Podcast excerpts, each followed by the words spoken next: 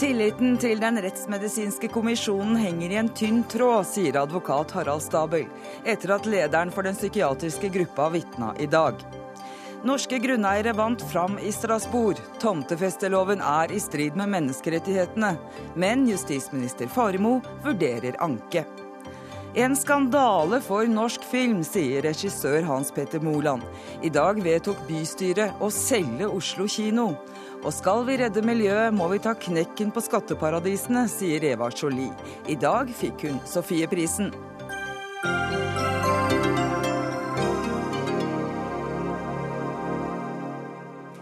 Velkommen til Dagsnytt 18, i studio Eva Nordlund. Vi skal først til terrorrettssaken. I dag forklarte leder for den psykiatriske gruppen i Den rettsmedisinske kommisjonen, Carl Heinrich Melle seg, om metodene som er brukt og vurderingene som er gjort i kommisjonen i arbeidet med de to sakkyndige rapportene.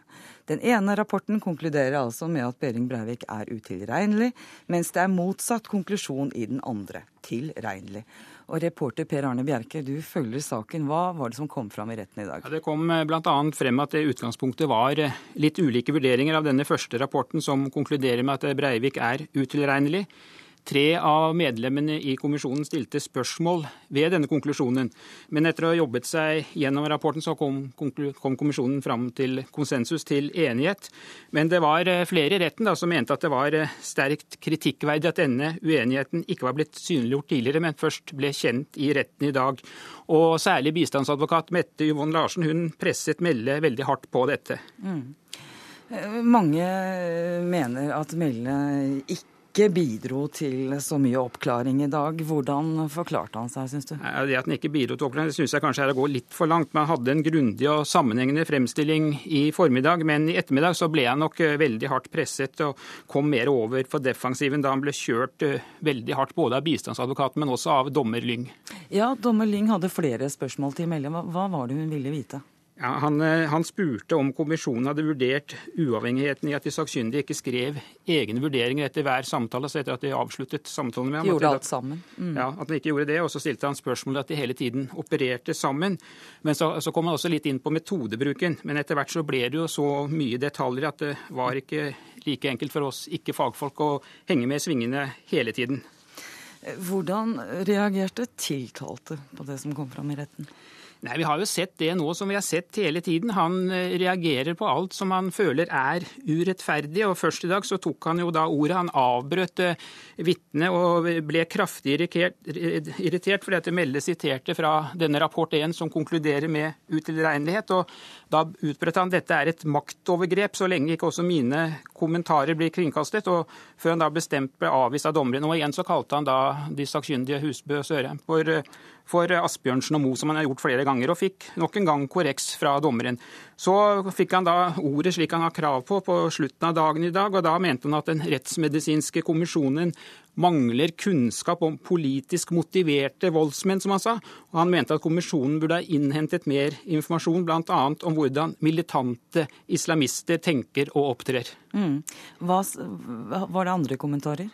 Fra tiltalte? Nei, Det var vesentlig det han kom med i dag, men det var jo det vi så på slutten i dag. Dette er det at Han går løs på alle detaljer, og han vil ikke ha noen som helst diagnose sittende på seg. Han sitter da og noterer små stikkord på små gule lapper. I dag satt jeg bare 2,5 meter fra ham. Han sitter og følger intenst med, og så ber han da om ordet, alltid på slutten, for å korrigere det han mener er et feilaktig inntrykk.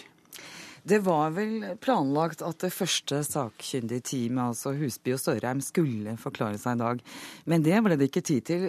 Hva var det som gjorde at Melle brukte så mye lengre tid altså, enn planlagt? Det rettssaken nå dreier seg om, er jo tilregnelighet eller ikke tilregnelighet. og Derfor bruker man jo lang tid på på disse ekspertene, og ikke minst på kommisjonen som eh, vitnet i dag. Og det er jo slik at Først skal da Melle gi sin lange redegjørelse, så skal aktoratet og Forsvaret og ikke minst bistandsadvokatene stille spørsmål. og Flere av andre dommerne stilte spørsmål. og Dermed så går tiden, og dermed var klokka plutselig over tre. og Da fant dommeren ut at vi utsetter de sakkyndige tidlig i morgen. og Da begynner vi med Sørheim Husby klokka ni i morgen tidlig. Rettspsykolog Pål Grøndal, hva fikk du ut av Melles vitnemål i dag?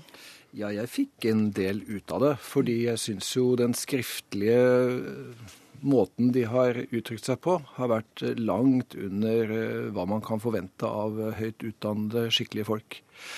Det er som, kraftig. Ja, fordi altså, det var jo ingen som skjønte hva de mente. Nei. Retten skjønte ikke hva de mente. De sakkyndige skjønte ikke hva de mente. Jeg har en doktorgrad i dette, jeg skjønte heller ikke hva de mente. Og jeg har fått mange tilbakemeldinger fra kommisjonen i de 100 sakene jeg har vært i. Mm. Stort sett har jeg da skjønt tilbakemeldingene jeg har fått.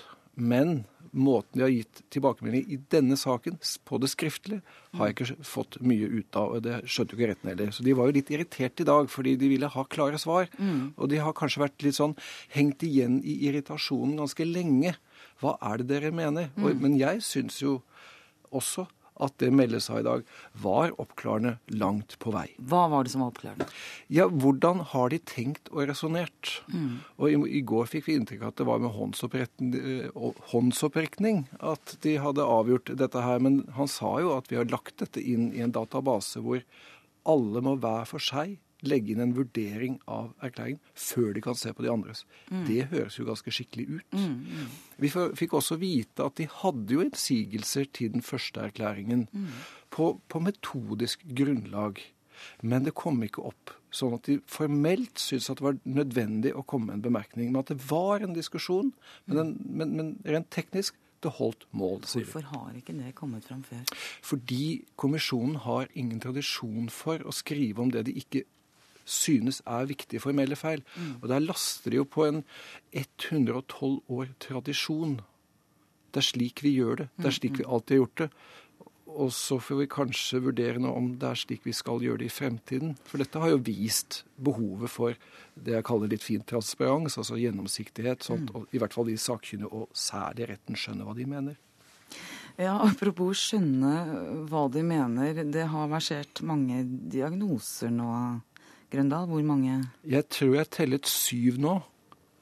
Og når Behring Breivik selv sier at uh, eh, 20. april sa han dette er ikke et komplisert tilfelle, jeg er ikke et psykiatrisk tilfelle, jeg er tilregnelig. Det er vel kanskje det nærmeste en vrangforestilling, for å si litt humoristisk, jeg har kommet til. For, for, er det noe som er komplisert og vanskelig, så er det jo å forstå ham og forstå hans tilregnelighet, hans, ikke minst hans motiver. Er de ideologisk motivert, eller er de motivert av en psykotisk vrangforestilling? Og nå har vi altså hatt et tog av eksperter som de fleste som har kommet inn som vitner, de er enige om én ting han er tilregnelig. Men de er jo ikke enige om en eneste diagnose.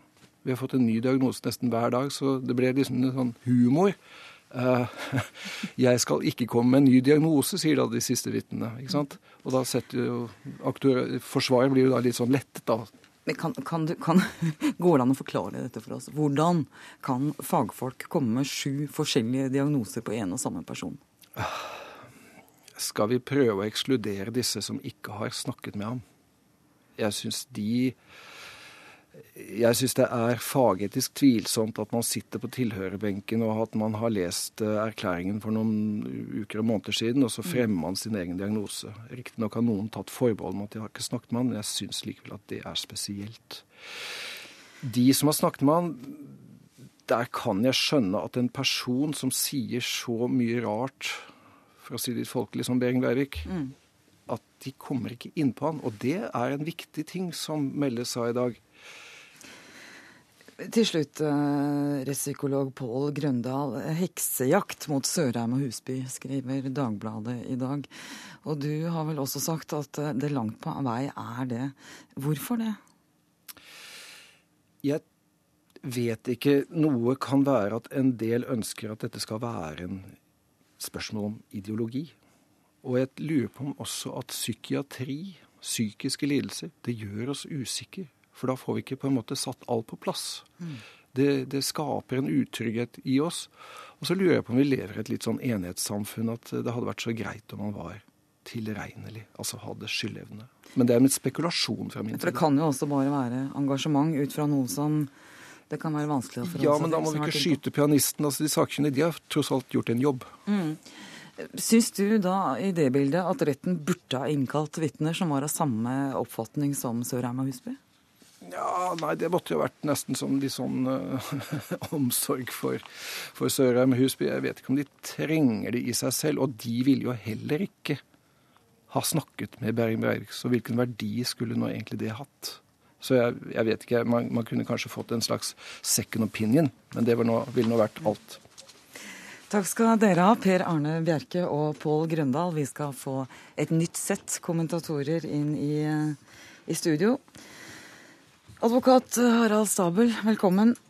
Du følger rettssaken og kommenterer for oss her i NRK, og du mener tilliten til kommisjonen henger i en tynn tråd. Hvordan bidro Melle til å gjøre den tråden tynn, for å si det sånn, i dag? Ja, Hvor tynn den er får vi jo diskutere, men uh, det som er klart Utgangspunktet her er jo at uh, kommisjonen har handlet slik de pleier å handle, og etter gjeldende regelverk. Men dette viser jo at uh, her er det et klart forbedringspotensial.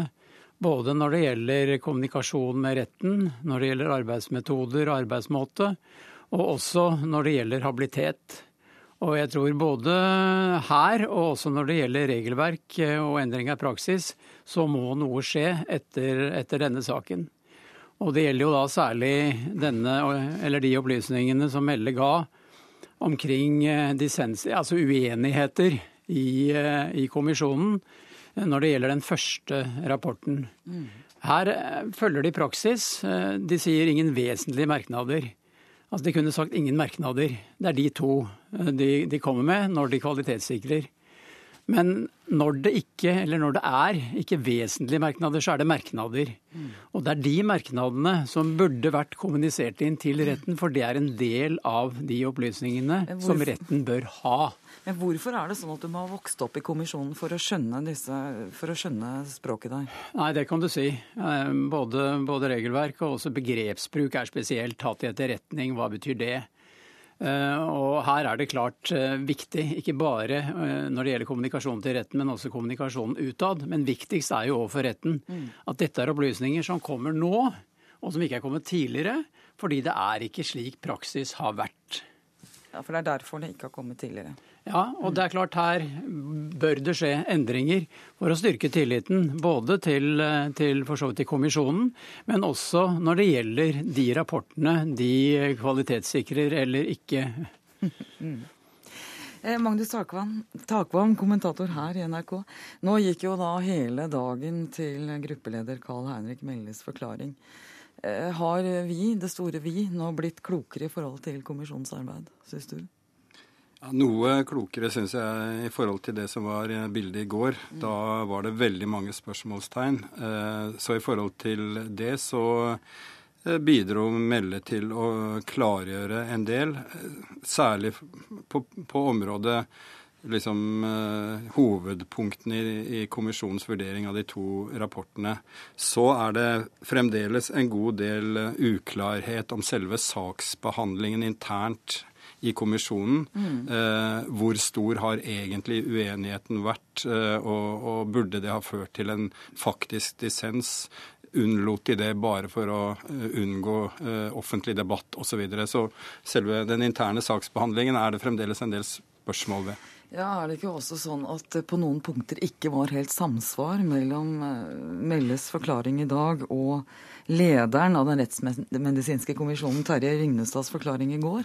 I hvert fall tilsynelatende, eh, hvis vi skal gå inn i det. Altså, eh, Stridstemaet med hele denne affæren med NRKs telefontapning, eh, så å si, av det interne møtet, ble jo ifølge Rygnestad blåst feilaktig opp som en svær intern krangel, fordi han hevdet at det skjedde et slags rollespill der en av medlemmene tok på seg rollen som djevelens advokat, og så ble det liksom feiltolket som om det var en reell uenighet. Mens da i dag så sa faktisk Melle at det var mer snakk om at det var en debatt mellom sju fagfolk der kanskje én eller to av dem er Eh, ofte mer aktiv i debatten osv. Så videre, sånn at det var ikke en tildelt rolle. Så, så kan man jo tolke det som man vil. ikke sant? Eh, Harald Stabel, hvor mye vekt tror du retten kommer til å legge på kommisjonens arbeid? Jeg tror ikke den kommer til å legge særlig vekt på kommisjonens arbeid som bevis i, i denne saken og i spørsmålet om uh, Breivik er tilregnelig eller utilregnelig. De fikk noen opplysninger i dag som sikkert eh, var nyttige for dem. Særlig at man da åpnet opp for eh, arbeidet i det lukkede rom og hvordan det foregikk der. Men, eh, men bevisverdien tror jeg nok er, er, ganske beskjeden. Men det har vært interessant, og det er interessant for framtida. Eh, når det gjelder det som er kommet fram gjennom disse vitneforklaringene fra kommisjonen. Men det er jo i morgen at først trøkket begynner, og de, de, vesentlige, og kanskje om ikke helt avgjørende, så i hvert fall meget vesentlige bevis blir lagt fram. Men eh, Lippestad sa i dag at det er bra at det er klargjort at retten kan vurdere tilregnelighetsspørsmålet selvstendig. Var ikke det gitt i utgangspunktet? Jo da, retten har en fullstendig selvstendig stilling når det gjelder å vurdere selvfølgelig om han er tilregnelig eller, eller utilregnelig. Men det er tradisjon for å lytte på, for å lytte på de sakkyndige? Det er klart De sakkyndige gir råd, og de gir nyttige og viktige råd når vi nå snakker om uh, psykiatri og fag som ligger utenfor jussen. Mm. Takk, det er klart at det som er eh, hovedbildet eh, når det gjelder hvorfor eh, skal vi si, godtok de eh, rapport nummer én, eller eh, var mer positiv til den i forhold til rapport nummer to, så er stridens kjerne nemlig tolkningen av fakta. Altså de fakta eh, som den første gruppen av psykiatere la til grunn om hans merkelige uttalelser om den rollen som Knights Templar, hans storhetstenkning mm. osv. Den første gruppen har eh, tolket det som er blitt sagt av ham selv osv., lagt det til grunn. Og da er det et premiss for en vrangforestilling. Mens de andre har godtatt at det er mer eller mindre bløff. Slik at da blir det jo selvfølgelig opp til retten også å vurdere er det godtgjort at de faktaene er tolket på riktig måte, at bevisene for det er lagt fram i retten. Mm. Så det er noe av det vi snakker om. Ja, Harald Stabel eh, Grøndal var inne på det. Bør det bli konsekvenser for eh, hva slags rolle de rettssakkyndige psykiatere, eh, rettspsykiatere spiller i norsk rett framover? Det har jo vært kritisert at norske domstoler har vært for tilbakeholdne og for lite kritiske overfor sakkyndige. Både i straffesaker og også i, i, andre saker. I denne saken får de jo en ganske unik posisjon, nettopp fordi at man har eh, fire eller to par psykiatere som er kommet til vidt forskjellige konklusjoner. Mm. Det, da står jo retten på en måte friere også i forhold til, til, de rådene de har fått, for de har eh, nærmest fått eh, to forskjellige råd som mm, mm, spriker. Og da, da, vil de jo måtte vise at de har og, skal, og tar en selvstendig stilling. Men tidligere så har det vært kritisert, med rette, at de har lent seg for mye på sakkyndige, når de sakkyndige i hvert fall er enige. Da setter vi strek der i dag. Vi kommer selvfølgelig tilbake i, til saken i morgen. Takk skal du ha, Harald Stabel. Takk til Magnus Takvam. Hør Dagsnytt 18 når du vil, på nettradio eller som podkast. nrk.no – dagsnytt 18.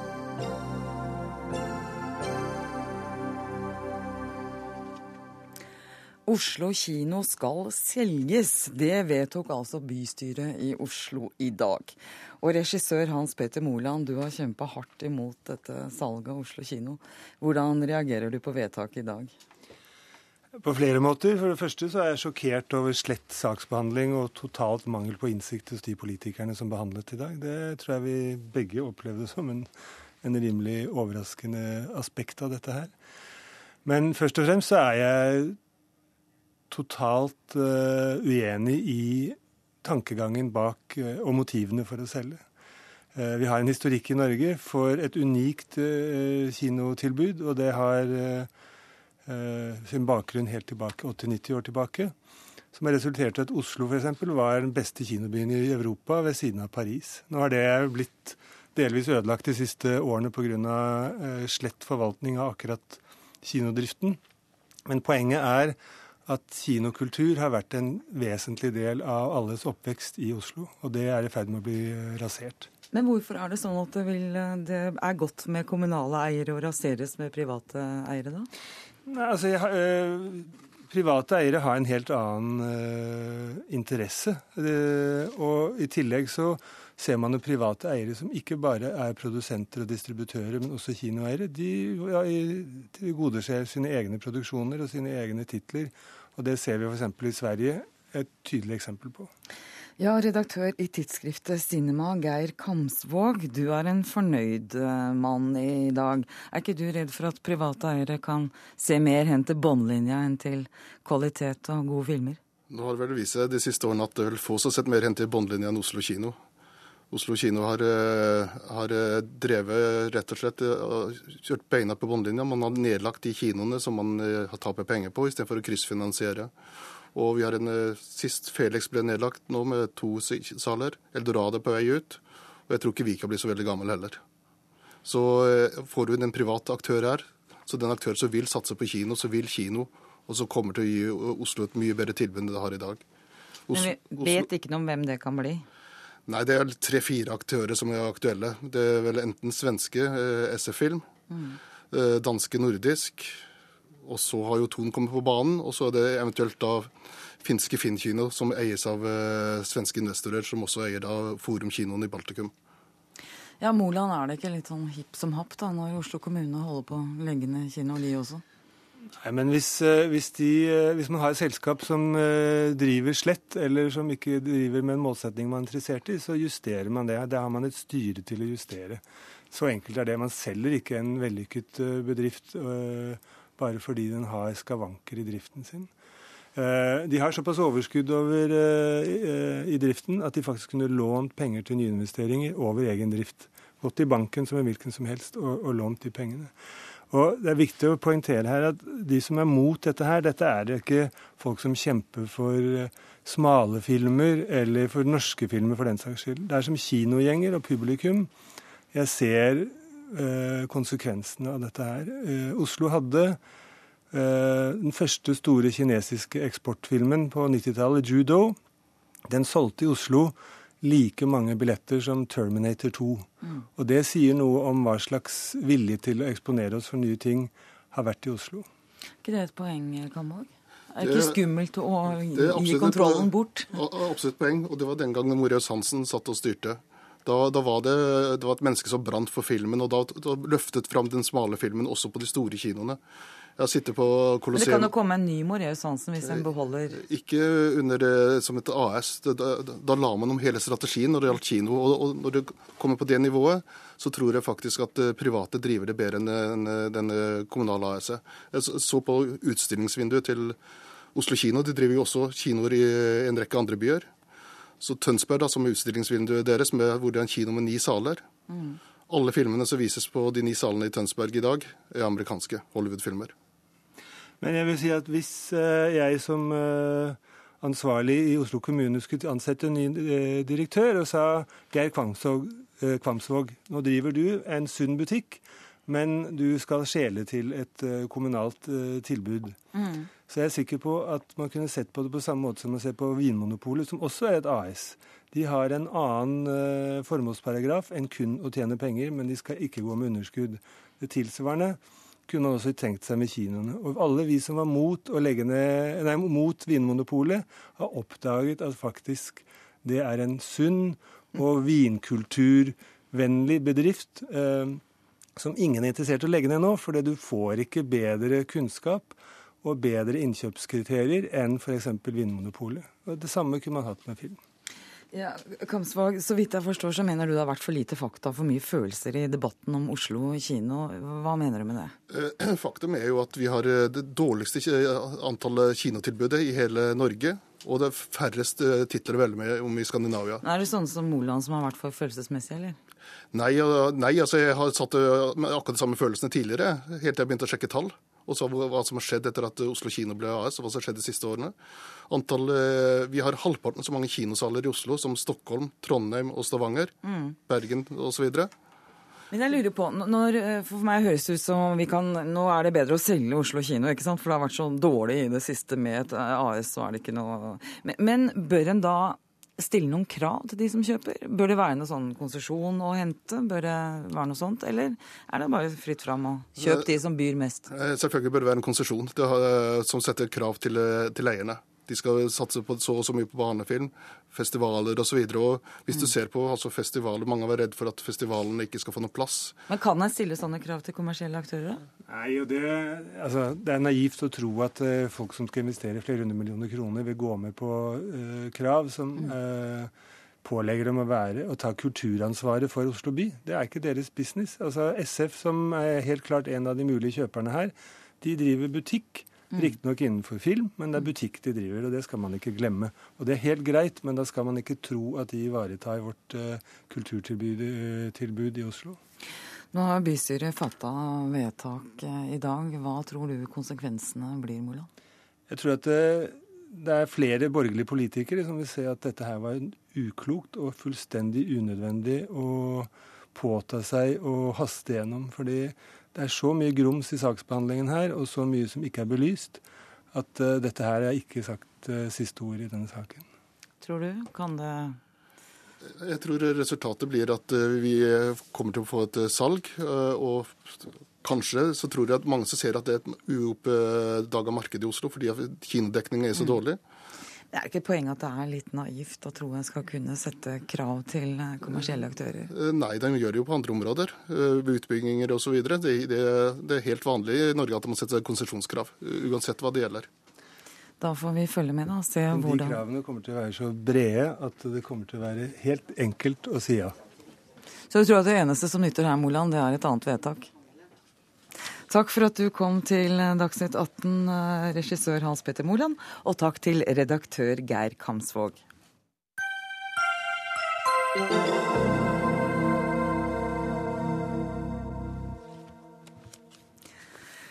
Det er ikke mulig å bekjempe klimaendringer og miljøødeleggelser så lenge en har skatteparadiser og hemmelighold, sier Eva Jolie.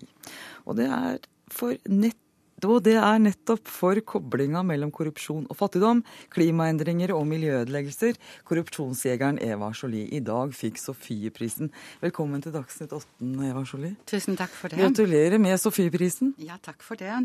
Jeg hørte tidligere i dag at du sa det kom overraskende. Ja, når jeg fikk mailen hvor styret formidlet at de hadde valgt meg som kandidat, så var det veldig overraskende. Og det kom på et veldig gunstig øyeblikk for meg, fordi det var, har vært veldig tøft å være presidentkandidat, og mitt ego har lidd litt under det. Så det at noen så sammenhengen i de forskjellige kampene mine, det gjorde meg veldig godt. Filosof og forfatter Jostein Gaarder, eh, for å begynne litt med begynnelsen. Hva slags pris er Sofieprisen? Hva vil dere oppnå med den? Ja, altså det, er, det, er, jo en, en, miljøpris, en pris for noen som har gjort banebrytende arbeid innen miljø og bærekraftig utvikling. Og vi sa i vårt, vårt eh, sånn mission statement eh, allerede for 15 år siden at vi har et økonomisk system i verden i dag som er på kollisjonskurs med naturens tåleevne, og, og som ikke skjeler til en rettferdig fordeling av, av, av goder mellom mennesker på dette planeten. Eller mellom generasjonene. ikke sant? Og, og, og Sånn sett så er jo Eva Jolie altså faktisk inkarnasjonen av hva som er en Sofieprisvinner. Så e egentlig eh, eh, var det så det, opplagt i år. Det var sånn unison enighet da forslaget ble stilt, eh, at Eva Jolie ble årets prisvinner, at vi nesten tenkte at det var eh, pussig vi ikke hadde hatt deg som en av de sterke kandidatene også mange år tidligere. Jeg lurer på, jeg, om vi for ordens skyld skal få hovedpunktene til juryen. Husker du det? Sånn. Ja, altså Hovedpunktene er jo det, er jo veldig aktuelt. ikke sant? Vi mm. opplever nå økonomi, en økonomi i verden i dag som, som, som, som snubler og detter, og, og, som har I vår egen verdensdel, for første gang faktisk, kanskje siden 50-tallet, så er det stor sosial nød i land som Hellas og Spania osv. Og, så og det, det, det skyldes bl.a. korrupsjon. Det skyldes skatteunndragelse, svart økonomi. Det, det skyldes at norsk kapital også mm. unndras beskatning. Altså, det, det, samme opplever vi alle til daglig. Når vi kommer en håndverker på døren som sier 'jeg vil ikke betale moms og, og ikke skatt'. Og, og, og, selv i Norge så er en del av økonomien svart. Det, bare, det er så veldig mye mer uttrykt i andre land. Og Da skal vi gå til deg, Eva Jolie, for du sier at bruken av skatteparadiser er en av de sentrale årsakene til den økonomiske krisa i Europa. Hvordan er den sammenhengen? Ja, den, den er ganske lett å forstå. Om vi ser på Hellas f.eks. Uh, som jo får hjelp fra EU-sonen i 100 eh, milliarder-klassen, så ligger altså Rike grekeres konti bare i Sveits er på over 170 milliarder. Og det er klart at disse pengene har vært unndratt beskatning i Hellas. De, de inndriver ikke skatt, og de kan ligge trygt og godt i, i, i, i Sveits. Men det er mye mer dyptgripende enn som så. Um, verdiskapningen skjer veldig mye i de multinasjonale selskapene, og de betaler ikke skatt i dag verden over. De skjuler seg ikke i skatteparadisene, men de oppretter filialer som bare er postkasseselskaper, hvor de påstår uh, overfor ligningsmyndighetene at her skjer det økonomisk aktivitet, men det gjør det altså ikke. Og nå forsøker de av og til å flytte noen mennesker inn i en bygning i Zug i, i, i, i Sveits det skal bli vanskeligere å kontrollere. Men dette er et helt universelt system i dag. Om du ser på organigrammet til et multinasjonalt selskap, så ser beslutningsstrukturen så innfløkt ut. Men det skjemaet er kun laget for skattemyndigheter verden over. Og det fungerer veldig bra for de multinasjonale selskapene, som betaler altså omtrent ingen skatt noe sted. Eh, du peker også på Afrika, Eva Jolie, som med alle sine naturressurser er særlig utsatt for det du kaller en moderne form for kolonialisme. Hva innebærer det? Jo, det innebærer f.eks. i Zambia, hvor jeg har jobbet for Norad for noen år siden. De har eh, rike gruveressurser. Der kommer kanadiske eh, eller sveitsiske gruveselskaper inn. De eksporterer kopperet til et skatteparadis som de selv eier, firmaet, til pris som er under verdensmarkedsprisen. Det er ingen fortjeneste i Zambia, bare utgifter. Mm. Og så kommer fortjenesten, den tar de ut i Mauritius, i et skatteparadis. Og der er det liksom helt tilfeldig ingen skatt på, på overskuddet. Og det betyr jo da at uh, inntekter som skulle ha tilhørt statskassen i de fattige land, den går inn i lommeboka til private aksjonærer i den vestlige verden. Mm. Og den går inn i lommeboka til lederne av disse selskapene. For det jeg også påstår, er at ingen har kontroll over Glencore. Og aksjonærene heller ikke. Slik at lederne har også anledning egentlig til å lure bort. Så denne, denne mangel på gjennomsiktighet som vi har tolerert, fordi juristen er i ferd med å ødelegge jussen ved å misbruke selskapsstrukturene på denne måten UNDRA. Fordi det, det er undervist at skatt bare er en utgift du kan redusere som, som en annen utgift. ikke sant? Og det, dette må vi bort fra. Og der eh, kan kanskje norske myndigheter også ha svinn på skogen. Eh, du, altså- for du sier jo til Klassekampen i dag at det er sjokkerende at Norges Bank oppretter et eiendomsselskap i skatteparadiset Luxembourg. Hva er sjokkerende mer konkret? Dette syns jeg det burde legges frem en veldig god forklaring på til den norske opinionen. Eh, for altså eh, norske pensjonsfondet, som skal ha inntekter for fremtiden, eh, de har interesse av at det er bærekraftig, og de skal investere i firmaer som ikke bruker skatteparadiser. Og de skal betale skatt, skal det ikke det til Norge? Jeg skjønner ikke riktig hvordan et statseid selskap flytter til et skatteparadis. Det, det, det er noe som er veldig rart der. Selvfølgelig så kan de si at da ligger all fortjenesten til fremtiden, men altså de gir et veldig feil signal. Og jeg syns at ettersom vi er kreditert med det i verden, at vi har gått i bresjen i denne kampen, så er det at vi selv bruker eh, skatteparadiser, eh, det er uforståelig for meg. Men korrupsjon er det ikke? Nei, det, det kan du ikke si. Det er ikke korrupsjon. Nei. Men altså, definisjonen i FN-konvensjonen er økonomisk kriminalitet, egentlig. Mm. Men det er heller ikke økonomisk kriminalitet. De gjemmer seg ikke bort. Men de bruker struktur en bruker en struktur som muliggjør å ikke betale skatt. Men når det er et statseid, 100% statseid foretakene, så skjønner jeg ikke hensikten med det. Gårder, var det noen sånn spesiell, noen konkret årsak til at, uh, at det kom til at i dag ja, må, vi, må vi koble korrupsjon og, og miljøet? Altså, det er en opplagt så... sammenheng. Eh, mm. Eh, eh, nå er det at Ett stikkord som jeg synes er viktig å nevne helt til slutt, som vi har lagt mye vekt på ved tidligere tildelinger, også det ordet mot. Altså, kanskje er Eva Jolie kanskje er hun verdens viktigste korrupsjonsjeger. Altså som, som tar fatt i dette uvesenet. Og, og, og, det er enorme motkrefter. Altså, man skal ha mye mot. Man skal mm. søren meg ikke være noen pingle, altså. Og, og det, det motet er også noe vi honorerer ved pristildelingen i år. Apropos mot, er du, stiller du deg bak Jolies eh, skepsis til denne plasseringa i Luxembourg av norske penger? Altså, nå er jo ikke jeg i nærheten av så stor forstand på dette som Eva Jolie men det høres jo, det høres jo altså, det høres da, Gjør det ikke det? Høres det ikke pinlig ut?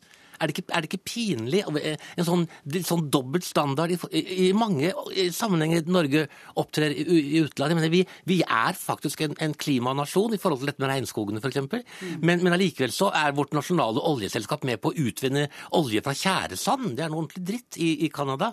Eh, det er ikke nødvendig. Vi, kan godt, vi, kan, vi har råd til faktisk dette landet har vi lov, råd til å ha liksom ordentlig rene standarder som ikke er doble. Mm. Men én ting er jo å være uenige med, med ha et annet standpunkt. Eh, en annen ting er jo hva demokratiske myndigheter uh, gjør. Men dette i Luxembourg, Eva Jolie, er det noe Hva er det som gjør det så pinlig, sånn du ser det? Utover at det handler om å spare, spare skatt, sånn du ser det? Det er jo fordi at det er, et, eh, det er et skatteparadis. De lever veldig høyt på å unndra andre lands uh, skattegrunnlag. Altså nasjonal, Bruttonasjonalprodukt inntekt i Luxembourg er høyere enn i, enn i Norge. Den er enda høyere i, i Liechtenstein. Og, altså det, de tiltrekker seg investeringer på denne måten. Mm. Og det er, jo, det er selvfølgelig ikke ulovlig å ha penger i Luxembourg, og særlig ikke for oljefondet. Men altså, hvorfor gjør man det? det er jo veldig mye som, som, er lov, men som folk flest betrakter som dypt umoralsk. Ut fra deres rettsfølelse. Mm. Folks rettsfølelse bryter av og til med det som er en, positiv rett. Altså, både når det gjelder internasjonale konvensjoner, det mangler mye på den fronten der, men også i nasjonal lovgivning. Jeg må spørre deg til slutt, Eva Jolie, for det følger penger med denne prisen her. Hvor mye er den der? Det er 100 000 amerikanske dollar. Ja. Har du gjort deg noen tanker om hva du skal bruke pengene til? Jeg, jeg har faktisk det, fordi Altså, det var bare helt et mirakel. Det var helt mirakel når den mailen kom, fordi jeg har brukt masse penger på valgkampanjen min. Så det mm. passet veldig godt. Mm. Tusen takk for at dere kom til Dagsnytt 18, Eva Jolie og Jostein Gaarder.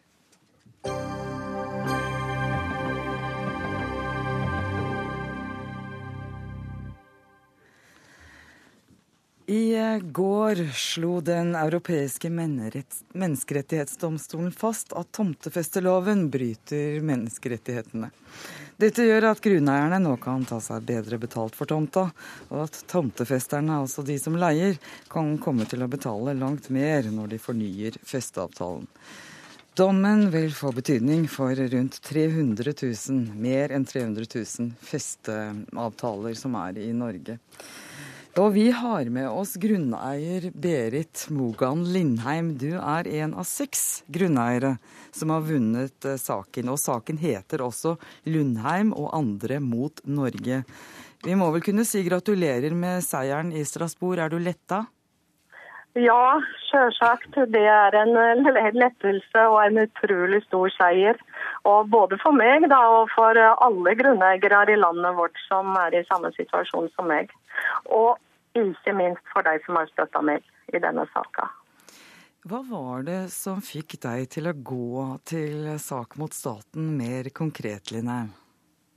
Ja, jeg har overtatt en eiendom i eh, Rollag i Numedal som eh, far min eh, starta med festetomter allerede i, på 1960-tallet, og som gikk ut etter 40 år. Så jeg hadde en konkret eh, eh, kontrakt og en sak som passa godt for domstolene og for å føre fram saka. Ja, for hva, som, hva var det som skjedde da disse avtalene gikk ut? For å repetere det. Ja, det var jo at vi som eh, tomtebortfestere ville forhandle fram til en ny avtale. Men eh, det sa ikke domstolen. De sa, Tomtefesteloven sa at vi eh, skulle fortsette på uendra vilkår. Hva blir konsekvensene av denne dommen for, for deg og de andre grunneierne, som du ser det? Ja, det innebærer vel først og fremst at verdien av eiendommen i framtida ikke blir svekka i ytterligere grad. Eh, og Dessuten da at grunneier, og det vil si i dette tilfellet bortfester, forhåpentligvis også kan få sin del av verdiøkningen. Advokat i advokatfirmaet Hjort, eh, Sveinung Flåten, du har ført denne saken i Strasbourg på vegne av de seks grunneierne. På hvilken måte er den norske tomtefesteloven i strid med menneskerettighetene? Den er i strid med menneskerettighetene på den måten at uh, den verdistigning som har funnet sted i den kontraktsperiode som er tilbakelagt, faller i sin helhet eh, på eh, fester, og hvor grunneier ikke får noen ting. Og det er en ubalanse som eh, domstolen slo fast at er en krenkelse av Menneskerettskonvensjonens bestemmelser om vern av eiendomsrett.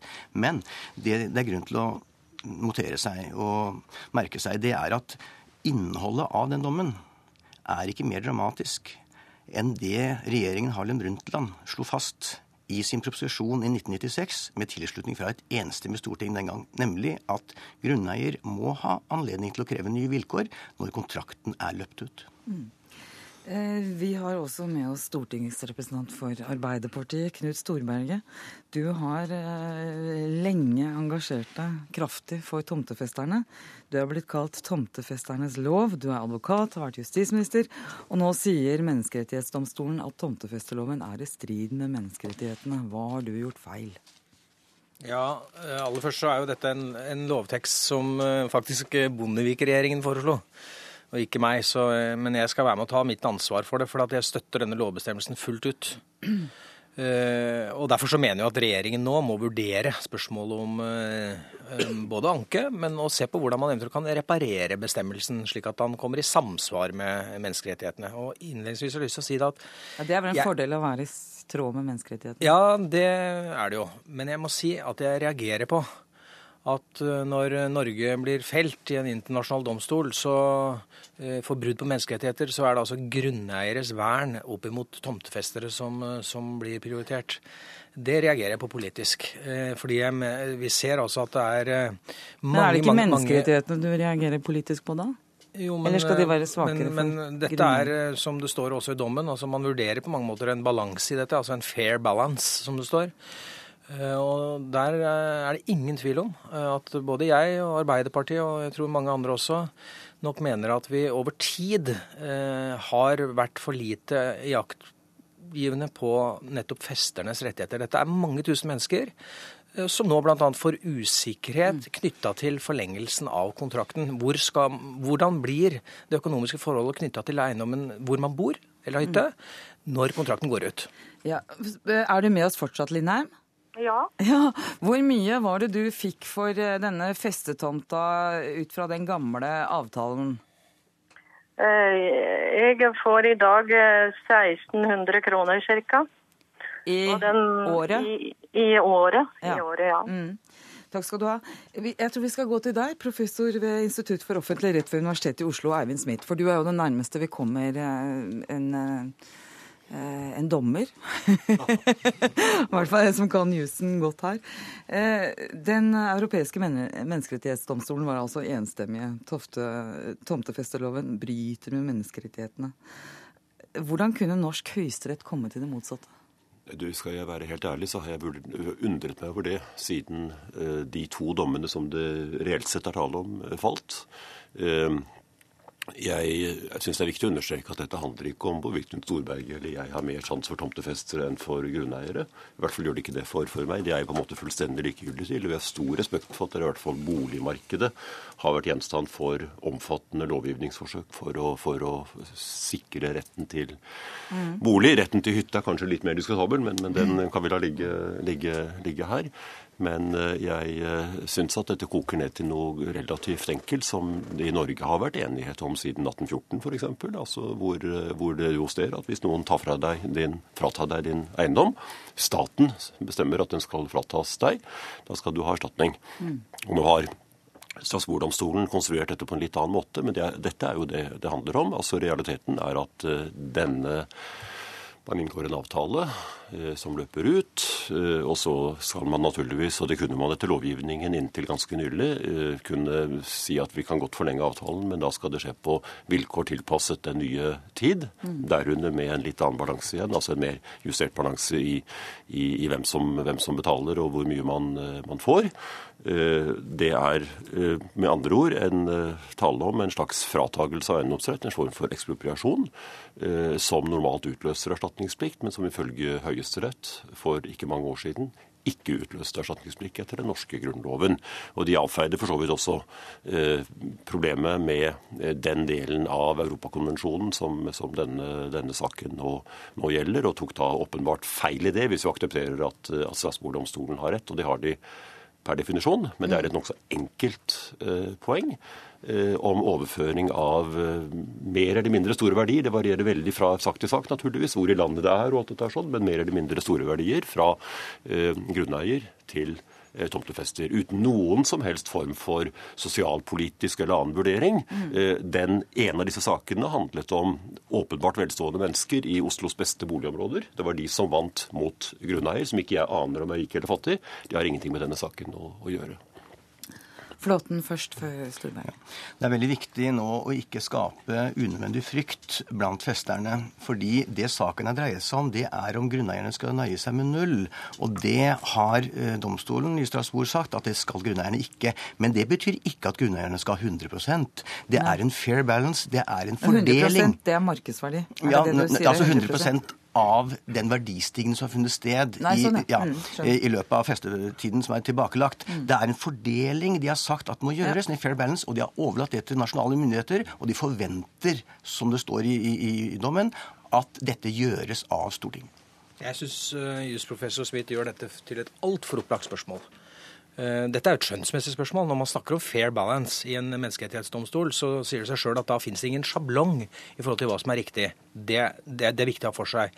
Og det andre er, eh, når jusprofessoren nå sier at eh, når en eiendomsbesitter nærmest mister sine rettigheter, så skal man ha erstatning. Det er jeg helt enig i, men det er jo ikke det det var snakk om her. Her var det jo snakk om at man hadde en lovbestemmelse som sier at du skal få lov til å fortsette å ha huset ditt på den tomta til samme vilkår slik at du får de samme pengene, eh, de samme vilkårene som er i kontrakten, fortsatt også i framtiden.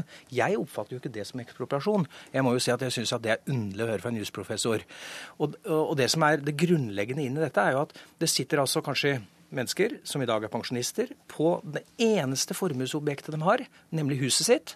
Og det er bygd på 60-tallet. Har en 40-årskontrakt, slik vi hørte på, på, på, Link her nå. Har en 40-årskontrakt som, som, går ut i disse dager. da. Mm. Og så er spørsmålet skal jeg ha trygghet for den boligen min for årene som kommer? Og der er der jeg mener at Hvis det er et sted menneskerettighetene slår inn i dette, så er det jo til beskyttelse for de som bor i boligen. Eh, ja da, og det er også et helt legitimt hensyn. Jeg sa i sted, og jeg gjentar gjerne, jeg syns at ønsket om en fair boligpolitikk er et veldig sentralt og helt legitimt politisk formål. Eh, men, men samtidig sa Sveinung Flåtten her at en fair balance betyr ikke nødvendigvis 100. Men det betyr heller ikke null. Og det var det som var stat. Men, et, men å fortsette avtalen på samme vilkår er jo umulig. Ja, jo, men altså, en, dette ville jo ofte kunne være vilkår inngått i 1920. Eh, og så har det skjedd dramatiske ting i den mellomtiden. der sånn. Og ikke glem at det er jo ikke bare fattige boligeiere vi snakker om, som du lett snakker om, og det er en meget legitim hensyn til det. sånn. Det finnes også en masse bygdelag som har basert seg på, på utleie av tomter til feste, hvor det også finnes eh, mer eller mindre fattige gårdbrukere. Men du beskrev det som ekspropriasjon. Det ja, og da skal jeg, vilkår. Og det, var det, det, det har med og det var det jeg skulle frem til. Eh, for det er det ikke bare jusprofessor Smith som har sagt, det har Høyesterett i Norge sagt. De sier dette er overføring av eiendomsrett. Mm. Og så har de et for meg helt ubegripelig resonnement som går ut på at man likevel ikke skal behandles som det, men det er så klart og tydelig i en plenumsdom fra Høyesterett for ganske få år siden. Det er ikke noe jeg har funnet på. Nå er det Flåten først. Ja, det som er viktig nå, det er at uh, Menneskerettighetsdomstolen har uttrykt en forventning om at Stortinget foretar en balansering av interessene mm. til grunneier og, og, og, og, fester. Og det vil da være en oppgave for Knut Storberget som folkevalgt nettopp å sørge for at det blir ro og trygghet og forutberegnelighet omkring disse verdier, som er viktige både for grunneier og for tomtefester. Nå har altså justisminister Grete Farmo sagt i dag at hun vurderer å anke. Eh, hvordan eh, ser du på, som har ført denne saken, mulighetene for å vinne fram i en ankesak. Hva heter da storkammeret? Ja, i, i vi er i storkammerbehandling, ja. det er riktig. Ja, jeg ser det slik at den uh, muligheten for å vinne fram uh, er svært liten. Dette er en enstemmig dom. Den er klar, godt begrunnet. Det er ingen grunn til å tro at det storkammeret vil komme fram til noe annet. Det en oppnår ved å begjære storkammerbehandling, i så fall, det er å uh, la det gå to år nå med en rettsusikkerhet som er veldig vanskelig og problematisk for alle parter. Kort, Smith, og så Ja, nei, jeg, jeg, har ikke vært advokat i saken og har ingen kommersielle interesser i denne saken, men jeg deler stort sett den vurderingen. Det er en enstemmig, klar og grei dom som sier noe som jeg til og med mener at Høyesterett burde sagt for flere år siden.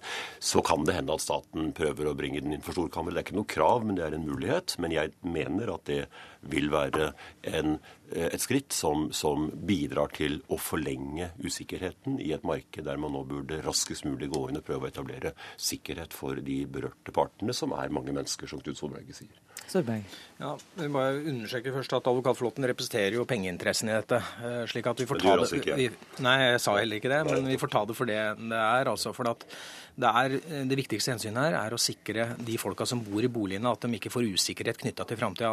Der er jeg enig med Advokatflåten. at eh, hvis det, ikke, hvis det blir sånn at man ikke anker denne dommen, eller at anken eventuelt ikke skulle føre fram, så er det en lovgiveroppgave.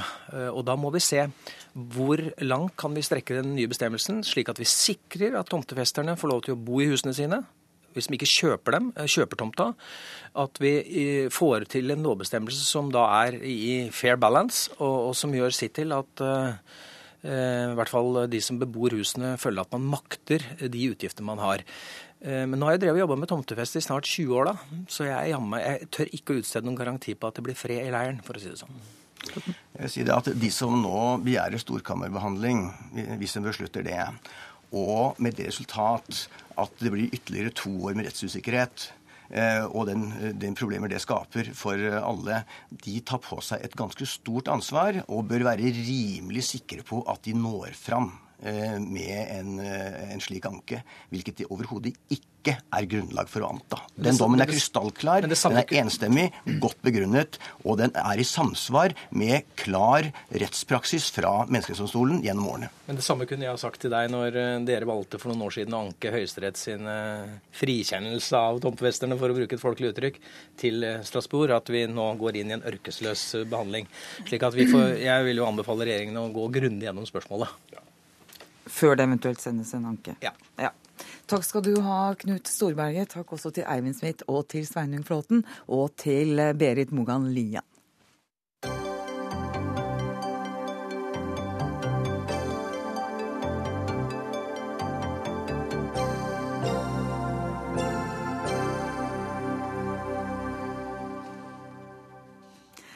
Stadig flere norske barn lever under fattigdomsgrensa, samtidig som rundt 50% av foreldrene setter barnetrygda rett i banken. Fattige familier kan hjelpes ved at de får en større andel av barnetrygda, sier lederen av Venstres programkomité Guri Melby, som vil ha behovsprøvd barnetrygd. Og sentralstyremedlem i Venstre Guri Melby, hvor mye kan da foreldre tjene før de mister barnetrygda? Først og fremst vil jeg si at Vi vil beholde barnetrygda som en universell ordning. Det er ingen som skal miste den helt.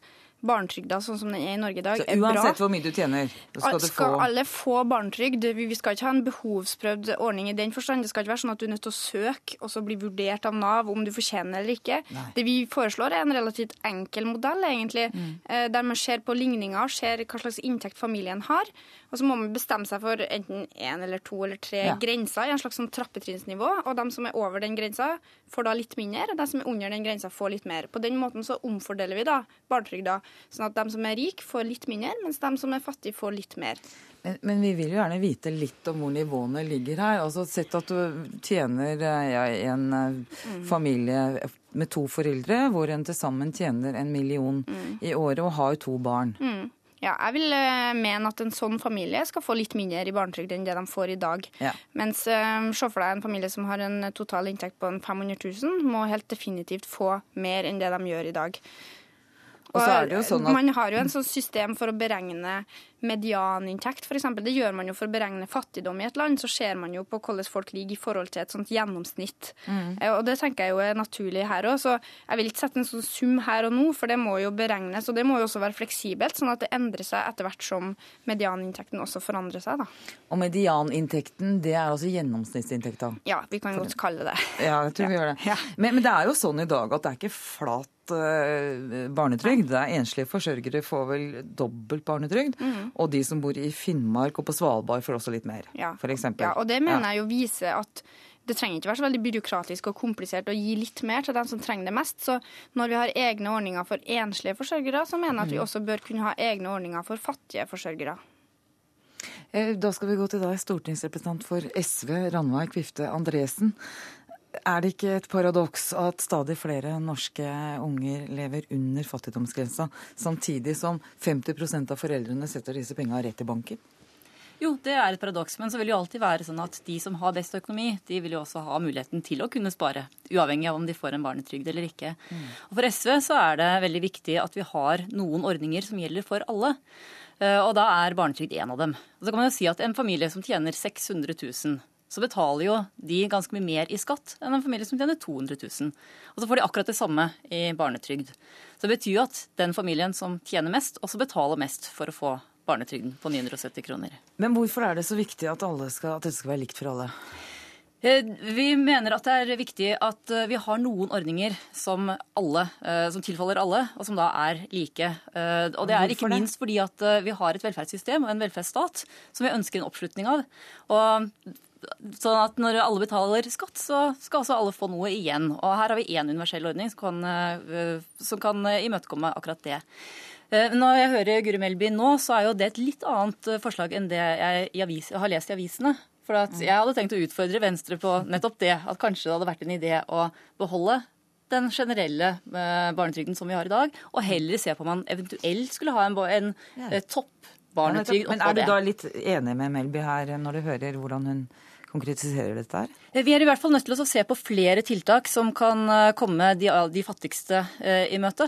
Og SV har på ingen måte konkludert ferdig med hvordan vi kan gjøre det, om det er en generell økning i barnetrygden, eller om det kan være en sånn man legger en justert eller gradert sats oppå. Mm. Men vi vil alltid ha problemer med graderinger. At det er noen som vil komme akkurat på grensa. Ta f.eks. Mm. gradert barnehagesats.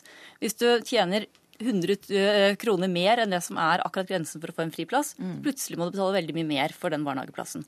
Og det risikerer vi også med en gradert eh, eller behovsprøving av barnetrygden.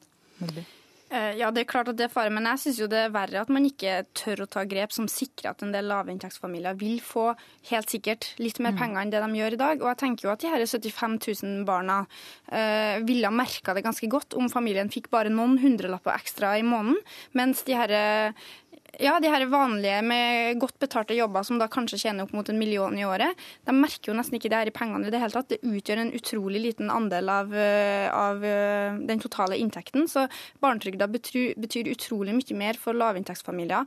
Og jeg tenker jo at skattedebatten i Norge i dag viser at det er ganske stor oppslutning om velferdsstaten. Og skatteevnen og skatteviljen til folk er stor. Folk har ikke noe imot å betale skatt. Men jeg tror, jo, men jeg tror at folk er mer opptatt av å se at pengene brukes til der de er behov for, og at det brukes til noe nyttig, mer enn at de ser at de sjøl får et utbytte av det. Eh, og jeg tror at En av de største truslene mot velferdsstaten er jo at vi fortsetter å smøre goder tynt utover en ganske velfødd middelklasse som har nok fra før. Det blir i lengden veldig dyrt. Kan ikke det være et poeng, eh, Ranveig Kvifte Andresen? For en sånn en type behovsprøving av barnetrygden er vel også med på å jevne ut klasseskiller, og det, det er vel SV for? Ja, Det kan være med på å jevne ut klasseskiller, men det, samtidig så det må bli noe byråkrati når man skal ha en behovsprøving. Det kan også føre til at enkelte justerer inntektstekta si, at de da går noe ned i inntekt, for å ikke miste del, deler av barnetrygden. Så det, det, frykter vi også. Dette er jo en, en, trygd som tilfaller kvinner, først og fremst. Så det kan være med på å bidra å øke lønnsforskjellene mellom kvinner og menn enda mer. Ja, Da får man heller vurdere at det skal tilfelle menn, da, eller tilfalle familien, mer enn at det tilfaller kvinner. Det er jo en enkel måte å løse det på. Det syns jeg faktisk at det er et godt poeng at det tilfaller kvinner. Så det vil SV Da får vi komme tilbake til saken når Venstre har konkretisert dette i programmet sitt. For denne sendinga er slutt. Takk til dere. Ansvarlig for sendinga var Siri Storstein Hytten. Teknisk ansvarlig Lisbeth Sellereite. Og her i studio Eva Nordlund. God kveld!